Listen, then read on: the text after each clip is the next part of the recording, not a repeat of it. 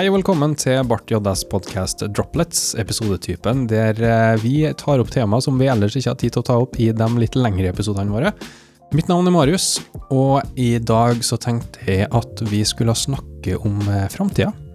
Vi er jo nå eh, inne i et nytt år, og mitt spørsmål til panelet, rett og slett fordi at jeg er nysgjerrig på det sjøl, og fordi jeg vet ikke, men spørsmålet mitt er hvis dere hadde eh, bortimot eh, uendelig med tid, hva ville dere sett på innenfor programmering i 2021? Satt dere mer inn i? Og med det så sender jeg ballen til Kristian Tryggestad, som fortsatt sitter og tenker, og det var litt dårlig gjort, merker jeg.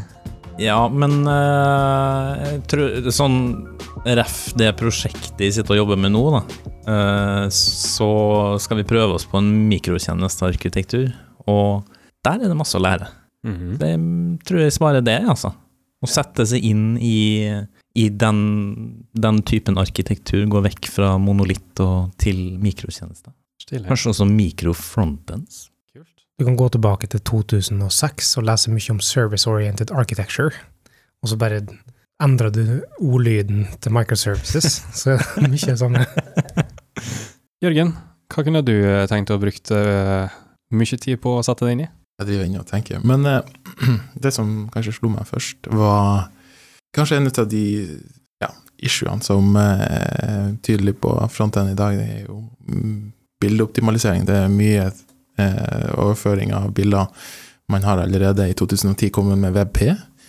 Eh, som et svar på å optimalisere bilder mye mer og minke overføringa av det. Jeg har egentlig lyst til å se på muligheter for enda bedre optimalisering, og eventuelt eh, gjøre det enklere for sluttbruker ta i bruk et bibliotek for det her. Det finnes mange alternativer.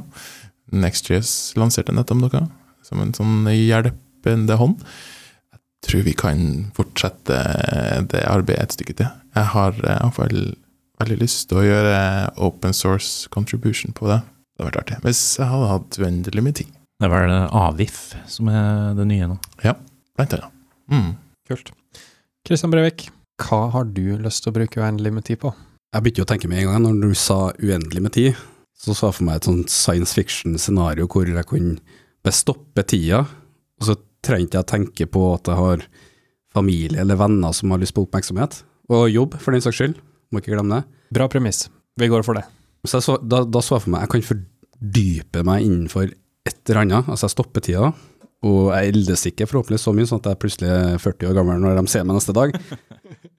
Men da skal jeg sette på, tenker jeg, embedded systems, sånn type sånne eh, eh, småenhets, ARM-enheter, med programmering derfra, og kanskje targeta det med Rust eller noe tilsvarende. Jeg skal bare for, fordype meg i det, og lært meg alt jeg kan om det, for det er ikke en sånn ting som Det ser utrolig spennende ut utenfra, og fra en person som ikke har noe verken sånn system programmingsbakgrunn eller embedded, så ser det utrolig spennende ut.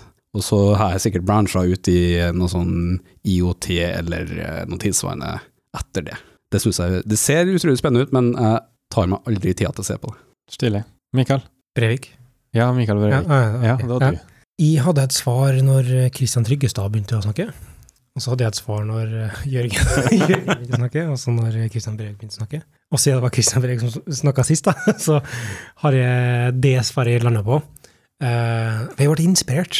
For det er en ting som jeg alltid har egentlig har lyst til, men som jeg aldri har tatt meg tida til. Men hvis jeg hadde hatt uendelig tid, og jeg ikke eldre, så ble 40 år plutselig over dagen, og jeg ikke hadde forventninger til folk som eh, skulle trenge min oppmerksomhet, så eh, har aldri hatt lyst til å drive med sånn elektronikk. Altså det å sy sammen kretser, eller Nå hører folk at de ikke har peiling på det hele tatt når vi snakker om sy. Men jeg har lyst til å programmere motorer og lage system av sånn hardware-relaterte ting. da.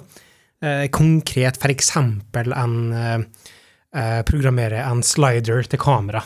Sant? To steppmotorer som, som opererer i lag for å lage en, en treakse. Eh, sånn type ting.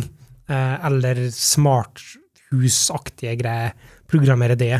Eh, programmere kanskje eh, bildegjenkjenning for å analysere hvem som kommer, sånn for å sette det i system. da.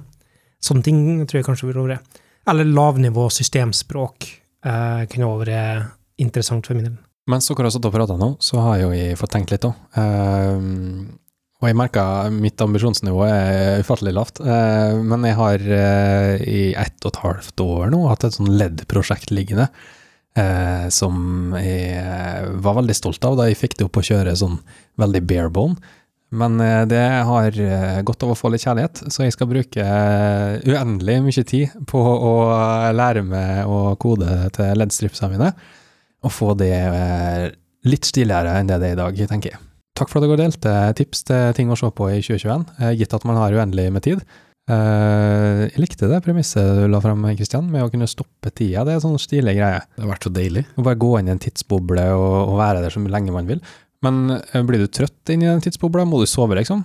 Jeg ser, jeg ser jo for meg, hvis jeg, hvis jeg ikke skal eldes, så trenger ikke jeg heller å spise eller gå på do eller eller søvne, nei. Og gitt at du har uendelig med tid, så kan du faktisk ta en liten lur. Jeg kan ikke. Det en deilig å søve sove bort de første 20 dagene, og så bare. Det endrer svaret mitt. Hvis vi har uendelig med tid, så vil det bli bedre til å sove.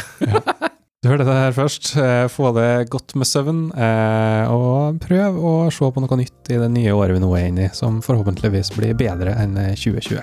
Takk for at du hørte på denne episoden av Bartiolas podkast Droplets. Vi høres i neste episode.